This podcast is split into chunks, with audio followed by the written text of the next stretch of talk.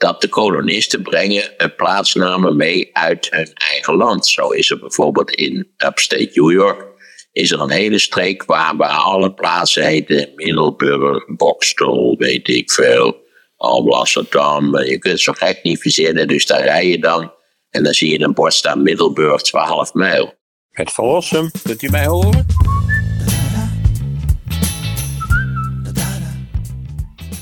In deze 500ste aflevering van uh, Maarten van Rossum, de podcast, uh, gaan we terug naar de basis. Bijna letterlijk zou je kunnen zeggen, want Maarten is in Boston in Amerika om daar familie op te zoeken, maar ook om stil te staan bij een stukje geschiedenis van dat land. Het land waar die carrière technisch toch veel aan te danken heeft. Nou, dan uh, moeten we maar starten. En ik dacht, te starten toch wel met mijn Amerikaanse reis van avonturen wil ik eigenlijk niet spreken. Want dat kun je ze nou ook weer niet noemen. Het is een redelijk verlopende reis. En ik zit op dit moment in een hotel in Burlington. Dat is een stad in Vermont. En vanuit dat hotel heb ik werkelijk een majesteitelijk uitzicht. Ik kan het niet anders noemen over Lake Champlain. Lake Champlain is een van die grote meren die de Verenigde Staten aan de ijstijd heeft te danken. Niet zo groot als de meer in het Middenwesten, maar toch wel een heel groot meer over honderden kilometers. Heel erg breed is het tegelijkertijd niet. Dus ik zie de heuvels aan de overkant en ik had gisteravond werkelijk een, een, een schitterende zonsondergang. Ik heb in tijden niet zo'n fraaie zonsondergang gezien. Maar goed, dan de vraag natuurlijk ook, ben ik ondertussen in Burlington terechtgekomen? Dat is uh, vrij simpel gestart uit Schiphol. Ik kan niet anders zeggen dan dat op Schiphol tot mijn stomme verwondering alles heel vlot en prettig verliep. Uh, we zaten eigenlijk in no time was alles in orde. En uh, toen kwam een van de eerste verrassingen van deze reis, namelijk dat ik voor het eerst van mijn hele leven naar de Verenigde Staten ben gevlogen. Niet in een widebody vliegtuig, maar in een narrowbody vliegtuig. En ik heb natuurlijk even opgezocht hoe het zat. En het was een Airbus A 321 long distance. Ik vond wel dat, of althans op mij maakte het, het vliegen wel een iets onrustiger indruk dan bij die hele grote vliegtuigen, bij die widebodies. Laat staan bij de, bij de gezegende rust in de 747 destijds. Maar we zijn er vanzelfsprekend gekomen. En het is natuurlijk in zekere zin een wonder van de techniek. Dat een betrekkelijk klein toestel met twee motoren probleemloos deze enorme vlucht kan maken in feite van Schiphol naar Boston. Maar ik neem aan dat er nog wel grotere mogelijkheden zijn. Want vroeger, in mijn eh, zeg maar, jonge jaren, eh, moesten alle vliegtuigen die dergelijke grote afstanden gingen afleggen, die moesten voorzien zijn van vier motoren. Niet waar? Om het risico te verminderen dat er iets zou kunnen gebeuren. En ondertussen zijn we kennelijk op veiligheidsgebied zover dat twee motoren ook voldoende zijn. Dus zodoende zijn wij ook weer met zij een lichtelijk onrustige vlucht zijn wij in Boston gearriveerd. En nu de vraag wat we daar eigenlijk precies uitspookten. Wij bezochten daar familie. Ondertussen bejaarde familie. Het is een nicht van mij. En dat, daar zijn we, laten we zeggen, eh, regelmatig mee in contact geweest in de loop der jaren haar moeder, deze nicht tenminste, haar moeder was een volknicht van mijn moeder. En het interessante is eigenlijk het, verschil in contact. Want zij zijn al in de jaren 50 zijn zij tweemaal naar de Nederlands gekomen. En het gekke was, toen was het welvaartsverschil gigantisch. Wat ik, wat ik als jongetje hoorde over Amerika, dat leek mij een soort wonderlijk paradijs op aarde. En de tweede keer dat ze er waren, hadden mijn nichtjes een eigen fototoestel. Het, het was in allerlei opzichten een, een, wereld waar je, in Nederland alleen van dromen kon. Ze hadden ook foto's van hun huis in Columbus, Ohio. En ze reden natuurlijk in Amerika in een grote auto. En het gekke is dat toch grotendeels die welvaartsverschillen zijn verdwenen. We hebben in West-Europa toch een enorme inhaalslag gemaakt op dit punt. Ik moet er natuurlijk bij zeggen, die enorme welvaart in Amerika in de jaren 50, dat was die Eisenhower welvaart. En we weten allemaal dat tegelijkertijd natuurlijk op allerlei plaatsen in de Verenigde Staten de welvaart helemaal niet zo voorspoedig uh, gearriveerd was als natuurlijk voor de upper middle class in, in Columbus, Ohio. Maar toch voor mij als jongetje was de wereld die mijn nichtjes, zij zijn met z'n tweeën, die mijn nichtjes eigenlijk symboliseerden, dat, dat, nou ja, dat, dat was een soort paradijs op aarde, zo, zo zag ik het eigenlijk. Eh, ook omdat ik natuurlijk ook als jongetje al een beetje een autofreak was. Tegen mij hadden helemaal geen auto, vanzelfsprekend in die jaren. En in Amerika had ik natuurlijk het beeld dat iedereen een auto had. En waar mijn familie toen het hardst om moest lachen, dat was dat je in Nederland een telefoon moest aanvragen, dat je dan jaren moest wachten tot je een telefoon kreeg. Terwijl je kon daar eigenlijk eh, alle denkbare types van telefoons krijgen, alle denkbare kleuren, met alle denkbare snoerlengten enzovoort. Dus dat, dat wonderlijke contrast tussen Amerika, die schijnbaar onbegrensde welvaart in Amerika en, toch de betrekkelijk armoeige toestand in Nederland de jaren, in de jaren 50, daar ben ik mee opgegroeid. Dus eigenlijk ben ik altijd weer verbaasd dat in allerlei opzichten in Nederland de boel beter in orde is nu dan in de Verenigde Staten. Maar dat, dat punt zullen wij niet al detail treden. We hebben toen, uh, na aankomst hebben wij eerst even in het centrum van Boston gelogeerd in een hotel. En even een wandelingetje gemaakt. Boston is een leuke stad, kan je anders zeggen. Ook her en der weer veranderd sinds de laatste keer dat ik er was. En ze doet ook wel wat aan wat je het beste zou kunnen noemen de stedelijke ruimte. Dus gebied waar, waar voetgangers hun gang kunnen gaan en waar alle mogelijke uitgaansgelegenheden zijn. Ook Amerikaanse steden zijn gezelliger geworden dan ze bijvoorbeeld 30, 40 jaar geleden waren. Toen ze vaak ja, een, wat onaangename, kale, soms zelfs wat lugubere indruk maakten. Althans op mij als brave Nederlander. Daarna hebben we twee dagen gelogeerd bij mijn eh, nicht en haar echtgenoot, die feitelijk van Australische oorsprong is. En zij wonen in Wayland. En Wayland is een van die vele, ja, ik denk dat je het zou moeten noemen, suburbs van Boston. Boston zelf is een relatief kleine stad. En of dit nou in Wayland, u kunt het even op de kaart opzoeken als u echt ijverig bent. Of dat nou suburbia is, of dat het zogenaamde ex-urbia is, dat durf ik eigenlijk niet met zekerheid te zeggen. Ik zou het. Zo, wat wel heel wonderlijk is, ik word achtervolgd door luidruchtige werkzaamheden. Want als ik hier naar beneden kijk, als ik even niet naar dat majesteitelijke uitzicht kijk, zie ik allemaal vrachtauto's, direct en zijn ze iets aan het bouwen waarvan ik, waarvan ik niet kan bedenken wat het zou kunnen zijn. Maar of ik nu in Nederland ben of dat ik in de Verenigde Staten ben, altijd komt er een werkelijkheid om de hoek. Altijd beginnen er schuurapparaten, boren, uh, nou, ga de hele zaak maar, ga de hele zaak maar na. Overal begint dat. Wat dat betreft duidt het wel op een grote maatschappelijke activiteit op tal van verschillende uh, niveaus. Goed, we hebben dus, ik zei al, voor mijn gevoel ex-urban. Ja, het is, het, het, zoals het daar is in die buurt in, in Wales, zo was ook wel een beetje mijn paradijselijke droom van de Verenigde Staten. Het zijn allemaal van die vrijstaande huizen. Eh, u weet waarschijnlijk wel als u ooit Amerikaanse huizen hebt gezien, zeker als ze een graadje ouder zijn. Dat zijn van die over elkaar vallende plantjes. Ik weet niet wat de technische uitdrukking daarvoor is. Ze zien er eigenlijk allemaal heel erg leuk uit. En dat alles in, in ik kan het anders zeggen, in, een bosrijke omgeving. Het grootste probleem voor mijn nichten in de tuin zijn de herten. Die bij alle denkbare gelegenheden alles komen opvreten wat ze als herten kunnen opvreten. Dat zijn de zogenaamde white-tailed deers. Er zijn in Amerika zelfs speciale kwekerijen die planten kweken die herten niet lekker vinden. Als je die nou in de tuin zet, dan zullen ze ze waarschijnlijk niet opeten, maar je weet niet of de herten zich niet zullen aanpassen in de loop der tijden en ook tenslotte de planten zullen opvreten waarvan ze denken dat, waarvan wij denken dat zij ze niet lekker vindt. Ik denk in dit verband denk ik even aan de Colorado-kever. Niet waar, die kwam inderdaad uit de Rocky Mountains, uit Colorado in zekere zin. En die leefde van heel specifieke planten in de Rocky Mountains. En toen kwamen de mensen natuurlijk naar het continent, althans de westerse mensen met zijn aardappels. En die richtten grote aardappelsvelden in en die Colorado-kevers, niet waar. Vanuit een diepe intelligentie hebben besloten om het karige voedsel in de Rocky Mountains vaarwel te zeggen over te schakelen op aardappelloof.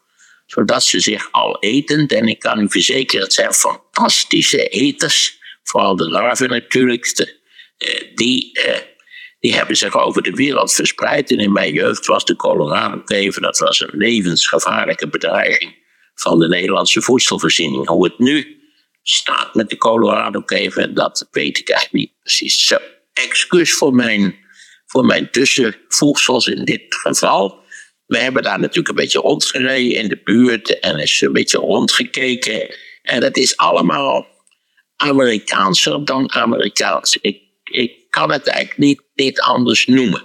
Je hebt daar het gevoel eh, dat, dat, dat iets van die New England tradition, dat dat eigenlijk nog wel leeft. En dat gevoel krijg ik nog meer. We zijn ondertussen zijn we verkast, dus van uh, Wayland, dat is die suburb van uh, Boston, in de richting van Vermont. we gaan in Vermont gaan we ook weer een neef bezoeken die hier in Montpellier, ja zo heet die hoofdstad van Vermont, maar de Amerikanen zeggen zoiets als Montpellier die zijn, die zijn met het Frans niet zo erg eh, ontwikkeld over het algemeen. We gaan hier dus nog een neef bezoeken. En eh, ik wilde hier ook dolgraag heen, omdat in de buurt van eh, eh, Burlington is een schitterend openluchtmuseum. Dat heet Shelburne Museum. Als je ooit in Vermont bent, wat sowieso een heel attractief staatje is in vele opzichten, ook een staatje waar ze niet op Trump stemmen. Dus je hoeft niet bij elke passant te denken: grote god, wat aan toe. Zou die op Trump stemmen? Dat is ook een groot voordeel natuurlijk van Boston en een groot deel van Massachusetts. It's not Trump country. En we hebben gisterenmiddag dat Shelburne Museum bekeken. En als u daar nou toch bent, toevallig, kijk dan in de allereerste plaats eerst eens even voordat u al die prachtige oude schuren bekijkt en die zeg maar, die agrarische architectuur die daar uitgebreid is uitgestald. Ik kom zo nog op een aantal andere wonderlijke voorwerpen en verzamelingen die u daar kunt zien. Maar eerst moet u even een bezoekje brengen aan het Museum voor de Schilderij. Want dat bevat werkelijk in allerlei opzichten unieke collectie van Amerikaanse schilderkunst die zich ontwikkeld vanaf de vroege 19e eeuw tot in de late 19e eeuw. Nou zeg, eerst is het heel amateuristisch, die schilders, maar ook amateuristische schilderijen kunnen natuurlijk enorm charmant zijn. En ik wil als uniek voorbeeld van amateuristisch schilderen, wou ik u geven uh, Grandma Moses. U heeft allemaal natuurlijk of de telefoon in de hand of de iPad of weet ik veel. Kijk even naar Grandma Moses. Grandma Moses heeft op een op het eerste gezicht kinderlijke amateuristische wijze heeft zij het, het leven op het platteland in New England in de 19e eeuw geschilderd. En het zijn immens charmante schilderijen. Zij, heeft natuurlijk ook een ideaalbeeld, schilderd zij. In feite schilderde zij dat, dat ideaalbeeld van dat agrarische bestaan eh, toen het al bezig was te verdwijnen. Maar het is een, is het is een beeld van arrestleden, van spelende kinderen in de sneeuw, van, van een, van hoe gek het ook klinkt, een idyllische agrarische wereld. Dat is wat Grandma Moses schildert. En dat doet ze dan ook nog op een hele overtuigend amateuristische, maar volstrekt overtuigende wijze. Die dingen zijn ook tegenwoordig allemaal miljoenen waard, dus daar hoeft u zich geen zorgen over te maken. Ik, er hangt nu een bijzonder aardig schilderij van Moses, wat ze aan een goede vriendin had gestuurd als verjaardagsgeschenk. En daarin had ze kleine, kleine van die schittersterretjes had ze daarin verwerkt. En ook dat werkte werkelijk fantastisch. Daar hangt ook een hele andere collectie van allemaal schilderijen. Let u vooral ook op een schilder die heet Fitzhugh Lane. L-A-N-E. Die heeft schitterende gezichten, zeegezichten geschilderd. En, en, en perfecte zeilschepen. Dus je denkt, ach, ook dat, eh, dat is toch wel een, een. Kijk, je kunt verschrikkelijke dingen schilderen die je aangrijpen. Je kan, je er zo voorbeelden van geven. Maar tegelijkertijd is de schilderkunst ook soms in staat om je een paradijselijk beeld van de werkelijkheid te geven.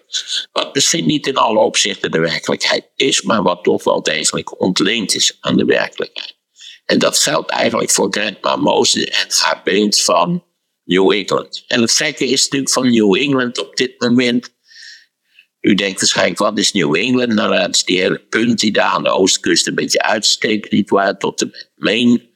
Denk aan New Hampshire, Massachusetts, al die kleine staatjes, Rhode Island, uh, Connecticut, uh, in zekere zin ook nog wel. Uh, de staat New York natuurlijk, Pennsylvania is al een overgangsgeval. Maar goed, dat is New England. En ook nu is dat in sommige opzichten het best functionerende deel van de Verenigde Staten. Ik moet ook zeggen dat het vaak vrij prijzig is. Zeker de stad Boston is, is werkelijk eh, zeer prijzig, aantrekkelijk, maar zeer prijzig. Dus wat moeten we nu nog doen? Ondertussen, we gaan mijn neef bezoeken. Dan, die werkt hier uh, als uh, een soort van superboswachter in die wouden van New England. Dat is een ander aspect wat ik even toch moet vermelden. Ik nam even een slokje koffie, neemt u mij niet kwalijk. En dat is dat als je dan vanaf Boston naar uh, Burlington rijdt, wat we gisteren gedaan hebben, een rit van 3,5 uur ongeveer. Dat is allemaal bos, hoe gek het ook klinkt. Dit, dit is een, een, natuurlijk een deel van een van de oudste stukken van het, uh, zeg maar het gekoloniseerde Amerika. En, en tegelijkertijd is het is allemaal bos. Overigens moet er ook bij gezegd worden dat het met delen van die bos, ook van dat bos, zichtbaar niet zo best gaat. Maar het feit dat het allemaal bos is, is toch een opmerkelijke zaak. Niet waar, omdat dit een, in feite, nou ja, de bevolkingsdichtheid is natuurlijk nergens in Amerika, behalve misschien in zulke urbane gebieden, of in urbane gebieden, te vergelijken met de Nederlandse bevolkingsdichtheid, dat spreekt voor zeer. Maar het is toch opmerkelijk hoeveel bos er is in de klas. Gisteren toevallig dat ik geloof de helft van Massachusetts is bedekt met bos. Overigens is dat bos, dat heet die second growth. Dus eerst is het, het, zeg maar, het, bos wat er oorspronkelijk stond, het oerbos. Dit waar wat de indianen vanzelfsprekend hadden laten staan. Eh, ze hadden niet zo'n interesse in het ommaken van bomen. Dat stond er nog en dat is helemaal omgehaakt vanwege agrarische activiteiten, maar ook bijvoorbeeld omdat die spoorwegen in de Verenigde Staten aanvankelijk op uitgestookt gereden. En dat is allemaal weer opgegroeid. Dus wat je nu ziet, die bosbedekking van een staat Massachusetts, die toch helemaal in het oosten ligt, die is in feite, dat is de, de, tweede, de tweede aflevering van het, van het bosgebied. Laten we het, laten we het zo formuleren.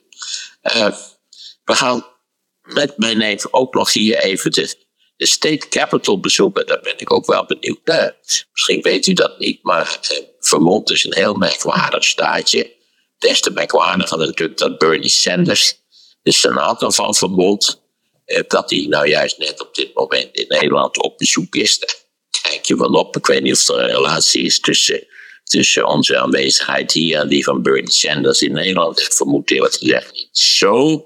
Maar eh, Vermont is altijd een, een outsider geweest, een outlier. Een, een staat die zich volledig anders gedroeg dan andere staten. Bernie Sanders zegt: Ik ben een, een hoe heet het, een sociaal, een sociaal georiënteerde uh, socialist. Nou, dat is natuurlijk voor Amerikaanse begrippen volkomen knettergek. En zeker, hij is hoort tot de Democratische Partij, maar ook tegelijkertijd is hij een soort independent. Ik moet zeggen dat mijn neef, die voor hem gewerkt heeft in Washington, niet zo enthousiast over hem is als veel mensen in Europa zijn. Hij heeft bijvoorbeeld op het, gebied van gun control en zo, eh, ja, is hij niet zo georiënteerd als wij in Nederland zijn georiënteerd. Dat komt natuurlijk omdat heel veel mensen hier nog een agrarisch bestaan leiden in de staat Vermont. En daar spelen natuurlijk geweren en de konijnenjacht, of wat je verder op kunt jagen hier. Dat speelt hier nog wel een uitgesproken rol. Maar Vermont is dus eigenlijk een totaal ander staatje dan de omringende staten. Laat staan als we Vermont zouden vergelijken met al die aardsconservatieve staten in, in de Midwest of deeltelijk in het, in het noordwesten van de Verenigde Staten. En dat is sowieso, ja, ik geef toe, dat is allemaal natuurlijk heel voor de hand wat ik nu zeg. Maar wat je, wat je toch altijd weer verbaast is hoe immens groot het land is. Dat ritje wat we nou gisteren hebben gemaakt, ja, dat stelt eigenlijk helemaal niks voor voor Amerikaanse begrippen. Maar als ik in Utrecht sta en ik rijd 3,5 uur, dan ben ik al ergens diep in Duitsland. Dan zit ik al in de, in de, in de Eifel, bij wijze van spreken, op zoek naar een pensioen. Maar je, je moet je steeds realiseren hoe groot het land eigenlijk is en hoe groot de verschillen zijn. De regionale verschillen, ook in normen, waarden, culturele gewoontes. Het accent natuurlijk. Boston heeft een heel uitgesproken accent, wat je direct herkent als je er een heel klein beetje van af weet. En dat is wat we meestal uit het oog verliezen als we over Amerika denken. Want dat is het gekke. Als je opgegroeid bent in een klein land, dan zit er eigenlijk, er zit eigenlijk een klein land in je hoofd. Je kunt je moeilijk voorstellen hoe enorm groot een land kan zijn. En hoe groot die verschillen dan zijn. Nogmaals, je zult zeggen, ja, dat wist ik allemaal ook wel. Maar als je er bent, realiseer je dat toch op een heel andere en praktische manier. Dus ja, ik eh, moet nu nog, we gaan nu nog terug naar Boston. En dan verheug ik me nu al op het Boston Museum of Fine Arts. Ook mocht u in Boston zijn, om wat voor reden dan ook. Neem een middag vrij, ga naar dat museum. U heeft geen idee wat een schitterende collectie daar hangt. Ook in het bijzonder weer van de Amerikaanse schilderkunst. Amerikaanse schilderkunst wordt vanuit het Europese perspectief miskend. Maar dat is naar mijn idee onterecht. Hey, er zijn schitterende schilderijen gemaakt in de Verenigde Staten. Dus nogmaals, bent u er toevallig? Sla het Boston Museum of Fine Arts niet over. Voor het museum staat een treurige indiaan op een paard. Oké, dat wat betreft mijn Amerikaanse reis tot op heden. Ja, ik heb nog even een vraag over Boston, uh, Maarten. Want uh, jij gaf al aan, het is daar vrij prijzig. Maar het is, als ik het goed begrijp, ook een van de rijkste gebieden van de Verenigde Staten, toch? Ja, zeker. Massachusetts is een rijke staat. Boston is een hele rijke stad. Boston heeft sowieso een beetje een, een er zit wel een Europees tintje aan Boston. Dat, dat kun je wel zeggen, denk ik. Er zijn wat oudere wijken van de late 19e eeuw, de vroege 20e eeuw. Daar kun je doorheen lopen. Het is nou dat je naar de nummerborden kijkt natuurlijk, maar omdat elke staat een specifiek herkenbaar nummerbord heeft. Maar het is, eh, veel mensen zeggen dat natuurlijk ook. Boston is een beetje een kruising tussen een Amerikaanse en een Europese stad. Ja, en het is toch ook zo dat daar, eh, als je heel te ver teruggaat in de geschiedenis, eerst zaten daar Indianen en die zijn op een gegeven moment door de kolonisten weggejaagd, hè? Ja, weggejaagd, dat, dat is één aspect daarvan. Maar wat veel ernstiger was eigenlijk het feit dat de Europeanen ziektekiemen bij zich droegen, waartegen de Indianen niet uh, resistent waren. De, enorme sterfte, zo ook in Midden-Amerika, waar de Spartanen natuurlijk uh, koloniseerden, en in Zuid-Amerika, maar al eveneens in Noord-Amerika. De enorme sterfte is niet direct te wijten aan moord, ook wel soms in sommige situaties, maar grotendeels aan dit wonderlijke probleem dat de Indianen natuurlijk eh, niet resistent waren tegen de ziektes die in uh, de Euraziatische landen zo hadden geheerst dat vrijwel iedereen er resistent tegen was. Dus er gingen hele dorpen dood in twee weken aan de griep. Of aan de mazelen. Of nou, dat, soort van, dat soort van ziektes. Ja. En de naam Boston, waar komt die vandaan? nee, dat zou ik niet weten. Want op zichzelf is het valt wel iets interessants om het namen te zeggen. Omdat je natuurlijk voortdurend de rivieren overrijdt en, en nou ja, namen ziet. En dan eh, toch zeker de helft van alle namen, dat zijn evident. Dat zie jij kan lettercombinatie in zo Indiaanse namen. Of Boston dat nou ook is, dat durf ik je niet te zeggen. Boston is wat vroeger een eiland. En dat heeft misschien ook wel geleid tot het feit dat het een beetje een Europese indruk maakt. Omdat natuurlijk Europese steden allemaal binnen een muur tot ontwikkeling zijn gekomen, zeker vanaf de late middeleeuwen. En dat, dat zo'n zo muur, dat die dwingt in feite een stad om op een relatief kleine oppervlakte zich te ontwikkelen. Dat heeft grote voordelen voor steden.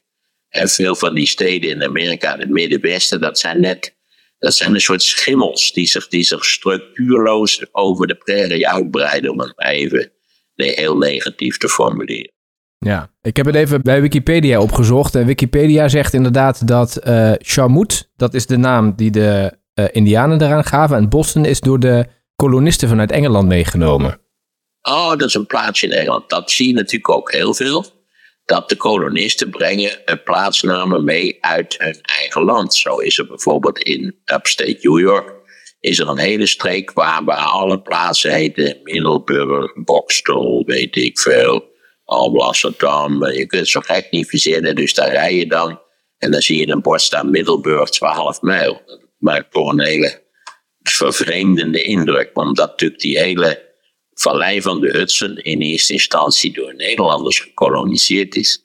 Ook als je daar op, op uh, begraafplaatsen naar kijkt, zie je tal van Nederlandse namen in feite. Of denk aan Holland Michigan, wat dit van niks Holland heette, waar ze ook een molen hebben geïmporteerd en zo. En ze hebben zelfs een Holland, een soort van Hollands pretpark. Oh, ik moet, eventjes, ik moet even de boodschappenman open doen. Blijf even hangen als je wil. Dan wacht, dan wacht ik even op de boodschappenman. Tal van mensen werken dus zogenaamd tegenwoordig thuis. Waarschijnlijk de vrijdag en de maandag of zo, long weekend, weet ik veel. Niet waar. Bovendien heb je dan die boodschappen die mensen niet meer doen, omdat de boodschappenman ze in het Pools komt afleveren. Maar hoe komt het dan in godsnaam dat het verkeer drukker is dan voor de COVID-tijd? Dus mensen rijden minder omdat ze thuis werken en omdat ze de boodschappenman hebben. Maar het is op onze wegen drukker dan voor de COVID-tijd. Dat, dat blijft een, toch een onoplosbaar raadsel. Heb jij daar ooit iets over gelezen, hoe dat in elkaar zit?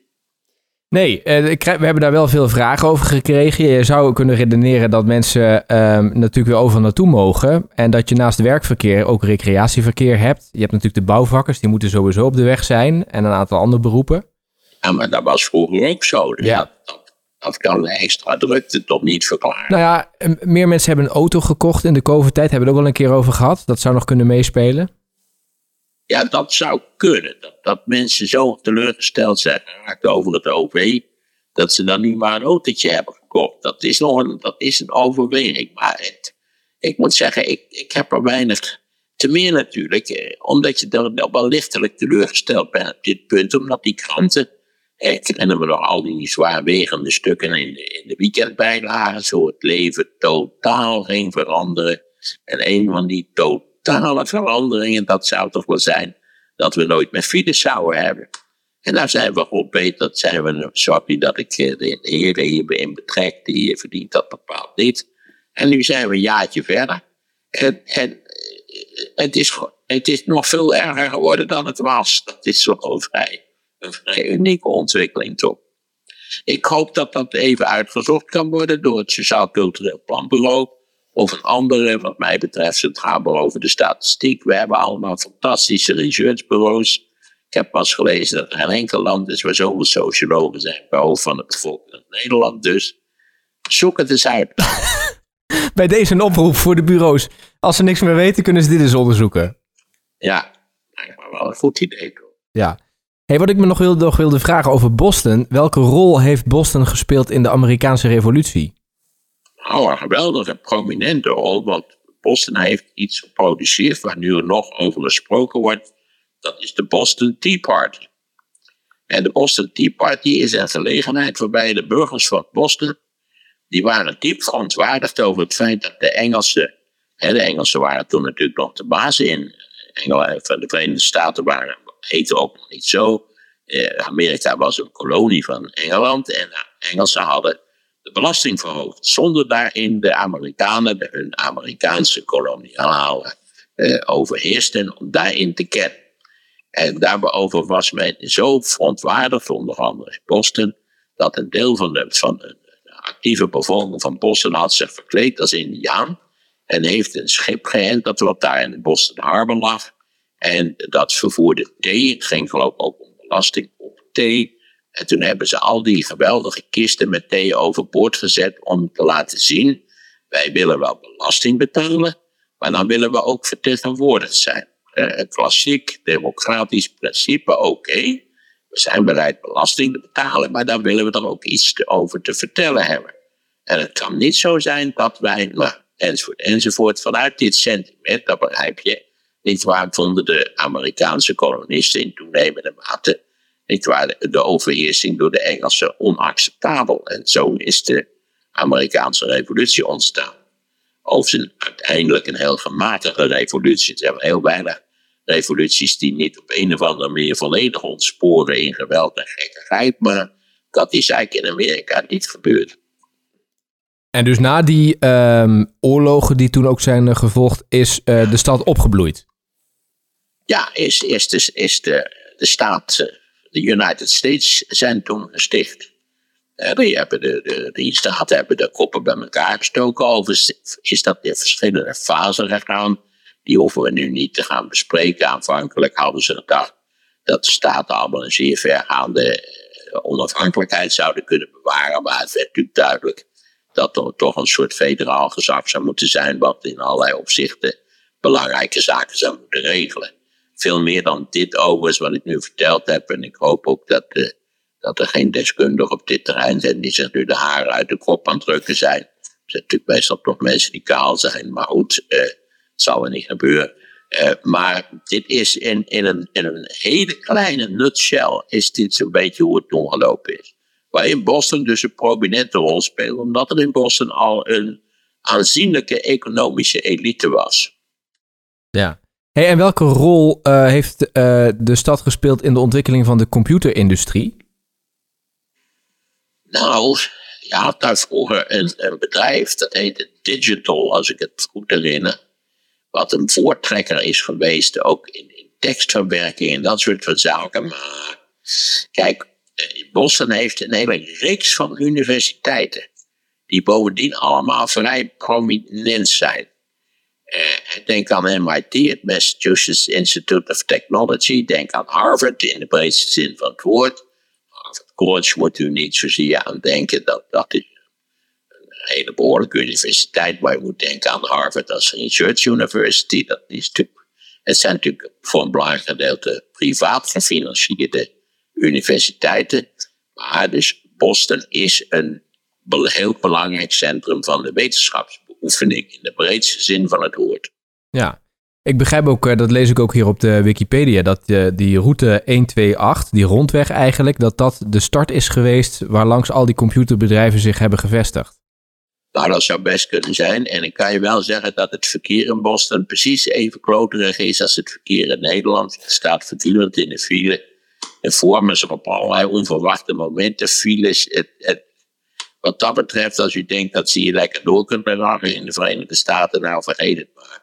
Ik heb vergelijkbare ervaringen met Los Angeles. Je rijdt 100 en dan ineens staan op die vijf. Het zijn allemaal van die interne boulevards van, van rijstroken bij. Elke tien rijstroken. En hadden toch nog steeds vast. Maar Boston is bepaald verkeerstechnisch gezien is Boston bepaald niet uh, de navel van de wereld. Nee, want hoeveel mensen wonen er? Boston zelf is volgens mij een vrij kleine stad. Ik schat 600.000, maar dat komt gewoon omdat zoals bijvoorbeeld, het is in dat op, vergelijkend met Utrecht, de regio Utrecht heeft 600.000 inwoners. De stad Utrecht heeft 300.000 inwoners. Ruim 330 geloof ik tegenwoordig. Maar dat komt doordat al die randgemeenten zelfstandig zijn. Dus dat Wayland, waar ik het over had, waar mijn nicht en mijn neef wonen, dat is een zelfstandige gemeente. Sterker nog, het is een zo zelfstandige gemeente dat de prijzen van de huizen daar extra hoog zijn vanwege een heel specifieke reden, namelijk dat Wayland fantastisch goede scholen heeft, zowel grade school, zowel lagere scholen als high school.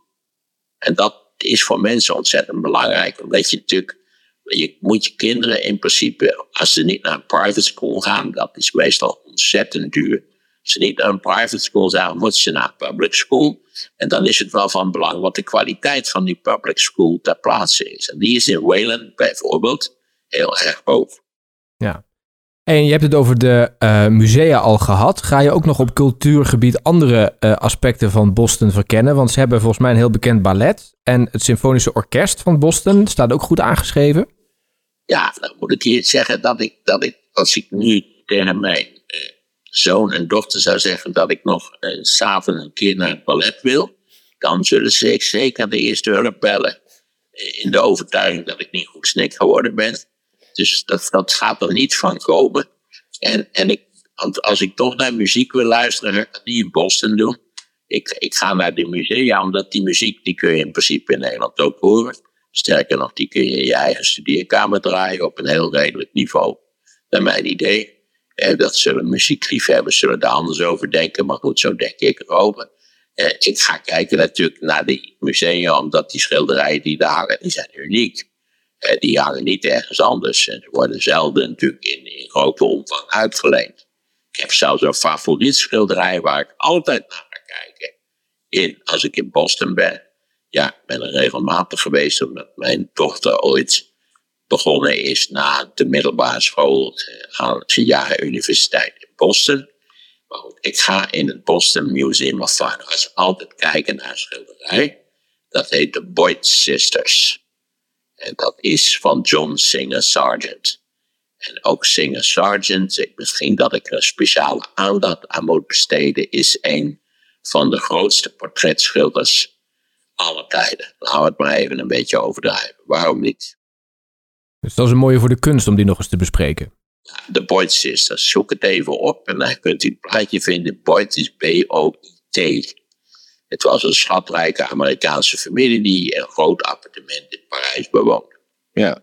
Het is ook een gigantisch schilderij. Hey, en uh, uiteraard, zoals veel Amerikaanse steden, heeft Boston ook een uh, internationale luchthaven.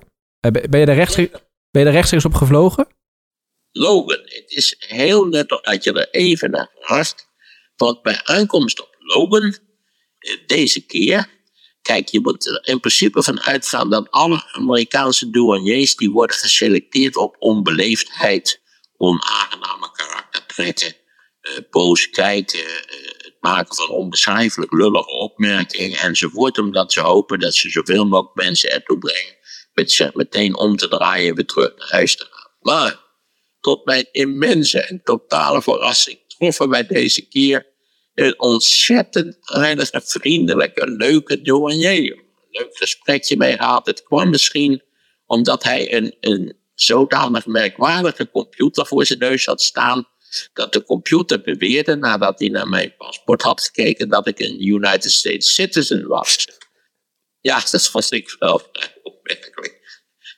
Hij was nog steeds lichtelijk overtuigd van het feit dat het misschien zo zou kunnen zijn want ik hoefde die, die vingerafdrukken niet af te geven. Ik weet niet, in de werken moet je altijd je vingerafdrukken bij dat, bij dat huisje afgeven bij de douanier. Maar hij wuifde mij er zo doorheen en zei, loopt u maar door als United States citizen. Nou, ik moet zeggen, dat leek me al een goed idee eigenlijk.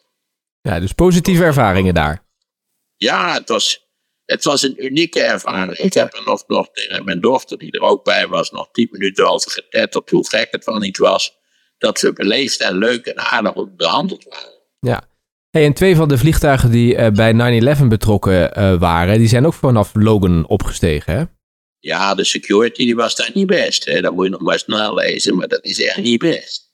Maar die, die lui maakten een, een, een, ook een beetje zenuwachtige indruk. En nou ja, kijk, dat is steeds bij 9-11 zo. Als je achteruit kijkt, denk je, hoe is het gods mogelijk dat die lui niet opgepakt zijn, dat ze het niet eerder in de gaten hadden, dat ze door de security zijn gekomen. Maar ja, dat is altijd achteraf, altijd kennis achteraf. Wij worden geconfronteerd dagelijks met een, een zee van informatie. En, en je weet nooit wat, wat voor informatie tien jaar later in die, in die chaos van informatie van wezenlijke betekenis is geweest. Dat, dat is een onoplosbaar probleem je moet dat eigenlijk ook de mensen niet verwijten die het toen niet gezien hebben. Want waarschijnlijk had je het zelf ook niet gezien. Nee. Hey, en nog eventjes qua politiek. Is Boston een echte democratische uh, stad, hè? Ja, Boston is een uitgesproken democratische stad. Uh, denk ook aan de familie Kennedy. En met name ook via de vrouwelijke lijn. Ik geloof de moeder van de, van de fameuze Kennedys. Uh, die vaak haar vader is burgemeester van Boston geweest. Heeft ook, dacht ik, een district van Boston vertegenwoordigd in het Huis van Afgevaardigden. Ik doe dit allemaal even uit het hoofd. Ik heb dat natuurlijk niet bij de hand, terwijl ik in, verte naar die prachtige blauwe heuvels zit te kijken. Zeker, maar Massachusetts heeft nog wel eens af en toe een republikeinse gouverneur gehad. Maar die republikeinse gouverneur, die gedraagt zich dan alsof hij een democraat is. Dat is het wonderlijke. Want wat doet hij dan?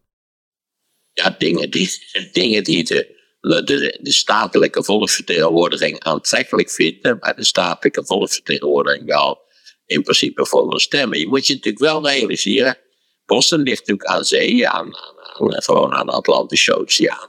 En als je Massachusetts inrijdt in westelijke richting, wordt het steeds republikeinser. dus naarmate je verder van Boston afkomt, wordt, uh, ik denk als je helemaal in het oosten van Massachusetts, uh, sorry, westen van Massachusetts zit, dat ze daar wel een, lokaal op het platteland een republikeinse meerderheid hebben. Ja, dat denk ik wel. Nee. Kijk, de Democraten vergeet dat niet zijn een stadspartij in, in, de, in de uitgesproken zin van dat woord. Ja. In hoeverre merk je daar nu al iets van de verkiezingen van volgend jaar eigenlijk? Helemaal niks. 0,0 nul. Dat is een ander aspect wat ik misschien had moeten vermelden. Al die poppenkast die wij op de televisie zien van Amerika en zo. Denk ook aan het hele probleem van die republikeinen. Die er een steeds grotere puinhopen maken in het huis van afgevaardigden. En je moet al speciaal naar de televisie gaan zitten kijken daarvoor. De mensen hebben het er niet over. Je wordt er niet over aangesproken. Mijn neef en nicht interesseert er geen reet. En dus ja, ja het, het, dat, is, je weer dat probleem. In de tijd bij 9-11 waren wij natuurlijk toch enorm aangeslagen. En toen hebben wij onze Amerikaanse familie gebeld. Ik weet dat mijn andere nicht, die hadden we aan de telefoon, die heet Katrina. Ja, die, die, die zei toch een beetje, waar, waar vinden jullie jullie over op? Het is 3000 kilometer verderop. Het, het, ja, daar, daar speelt weer die, die enorme afmeting. Het feit dat mensen toch vaak in lokale omstandigheden leven in een staat, in een stad. Uh, en, en, wij zijn uh, in allerlei opzichten, zou je kunnen zeggen, zijn veel Nederlanders beter geïnformeerd over de Amerikaanse politiek dan Amerikanen zelf. Hmm. Dus dat nu die, eh, dat die Republikeinen hopeloos verscheurd zijn en niet weten wie McCarthy moet opvolgen, dat interesseert ze dus eigenlijk helemaal niks? Nee, ik zat, ik zat ik ontbijt aan een bar beneden hier in het hotel. Er zat nog een andere persoon. En, en nog wat mensen achter mij. En geen van die mensen heeft ook maar een seconde naar dat beeld op de tv gekeken. De enige die op zat te letten was ik. Omdat die, dat die waarschijnlijke kandidaat plotseling weer had besloten om het niet te doen. En nou ja, nu is er een totale chaos ontstaan. En dan weten we helemaal niet omdat de eventuele andere kandidaat in feite weer voor andere onderdelen van, het, van, die, van de Republikeinse groep in het congres eh, onacceptabel is. Dus geen mens weet hoe deze zooi gaat aflopen, wat natuurlijk allemaal tegen de achtergrond van het wereldgebeuren nog eens onderstreept hoe dysfunctioneel de Verenigde Staten eigenlijk in allerlei opzichten zijn. Maar daar merk je in de, in de praktijk merk je er niks van. In Burlington merk je er niks van. Ik, ik garandeer het. Alles, alles ziet er hier heel vredig uit. Maar als hardlopers natuurlijk, zoals overal in de wereld. Ja, de Boston Marathon hebben ze daar ook, hè? Ja, dat zou best kunnen. Dit is een oude man die zichzelf in het zweet werkt. Dat je denkt, god, wat ben ik blij dat ik niet hard hoef te lopen. En dan ook weer met zo'n korte broek. Dat is wel een ziekte hier, de korte broek. Al die, al die gigantisch dikke mannen in korte broek. Het is in allerlei opzichten eh, qua esthetica niet altijd een, een land wat, wat grote bevrediging geeft. Waarbij ik overigens wil aantekenen dat ik aanneem dat ik zelf ook niet, niet waar van verre bewonderd word. Vanwege mijn unieke, elegante lijnen.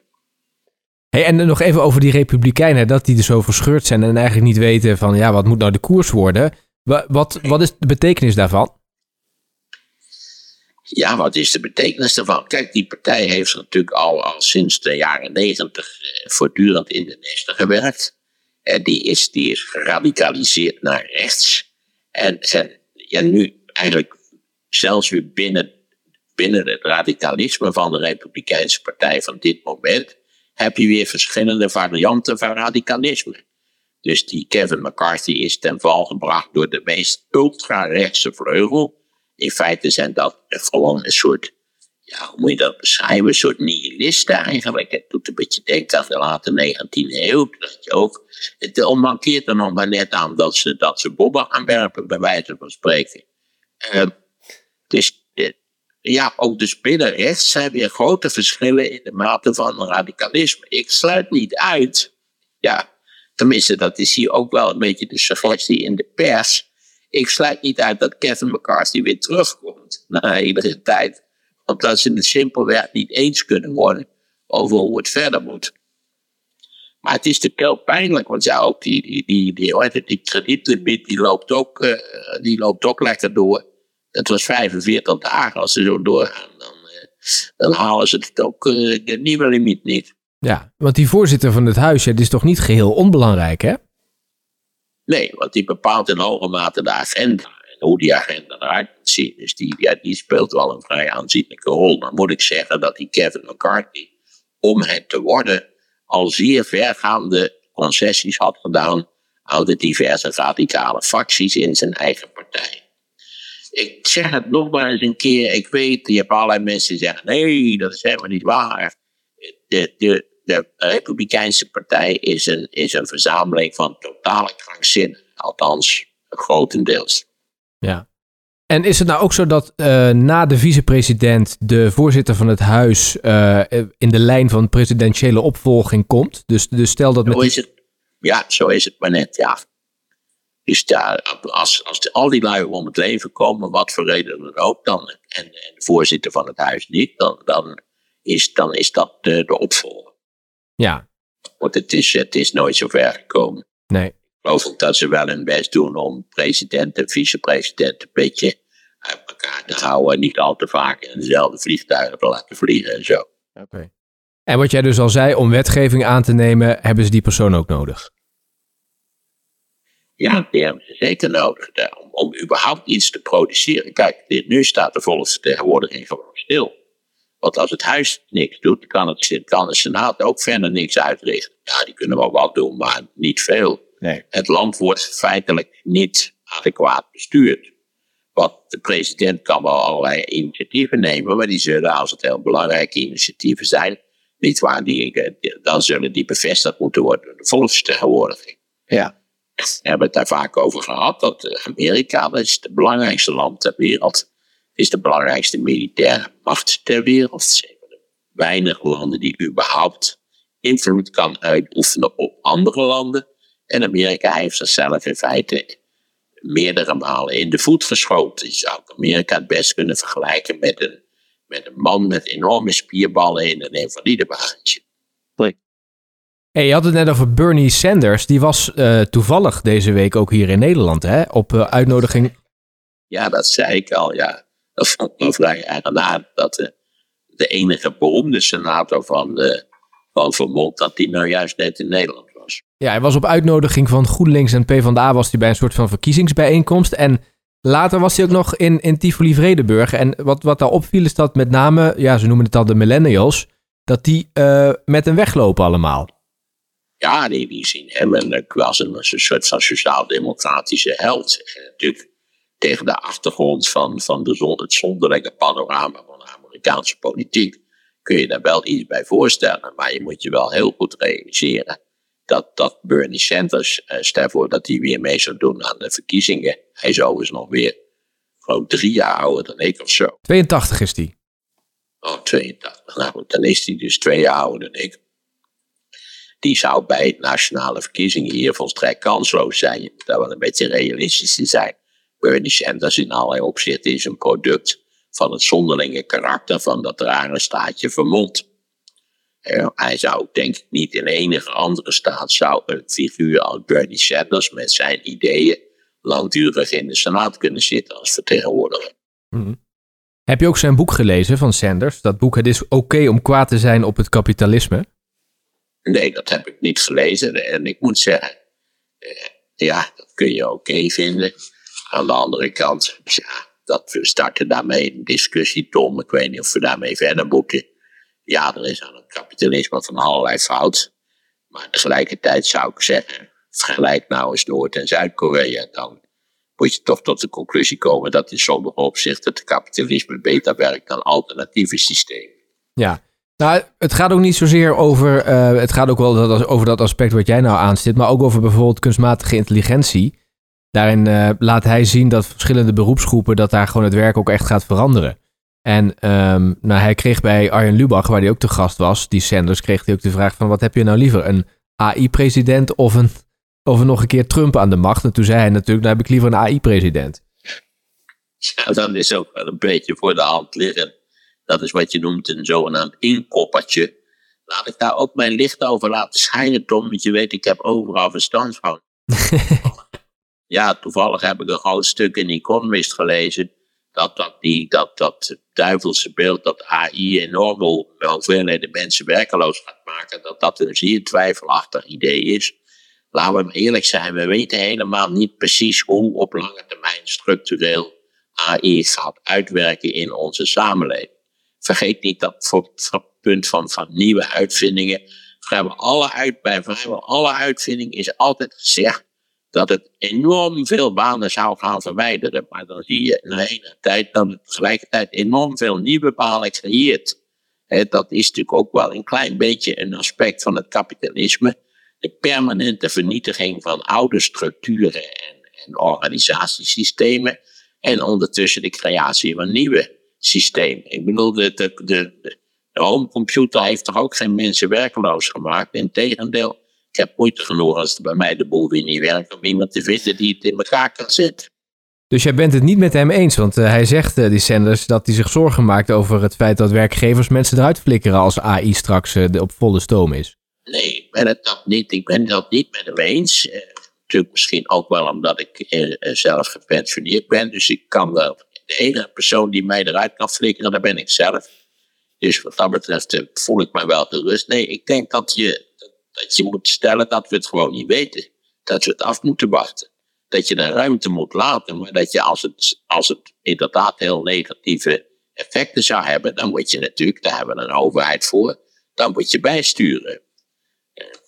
Ten slotte, kijk, in het beginnende kapitalisme, laten we zeggen, in het beginnende industriële systeem, in de loop van de late 18e en in de 19e eeuw, leidde dat tot, tot, tot gruwelijke asociale toestanden.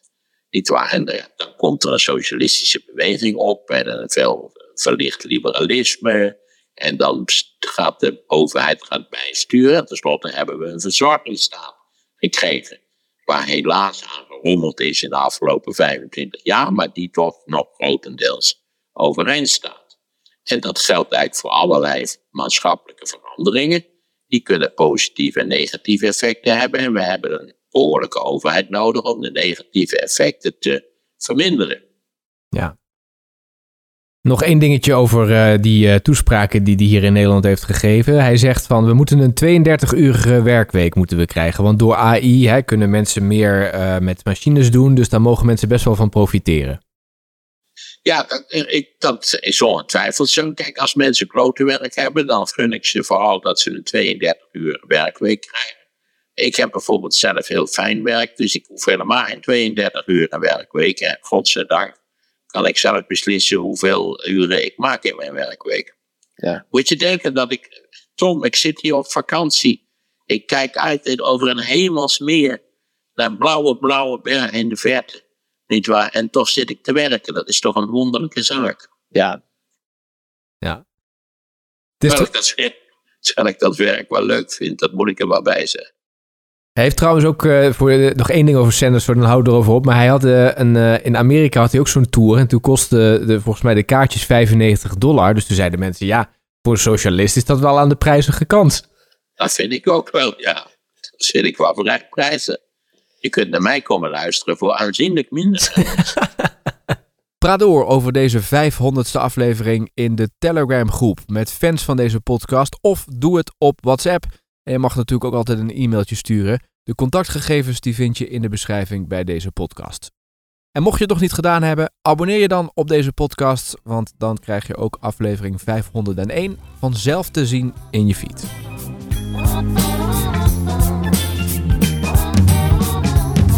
Nam even een slokje koffie, neemt u mij niet kwalijk.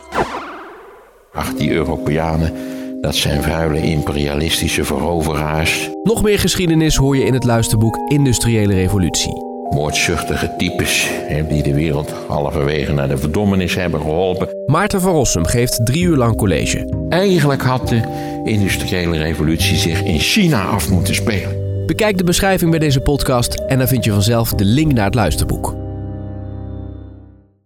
En in de podcast Sea Level is de man te gast die pas 34 was toen hij de leiding kreeg over een van de imposantste hotels van ons land. Wie het is, hoor je in Sea Level. De link naar de podcast staat in de beschrijving bij deze aflevering.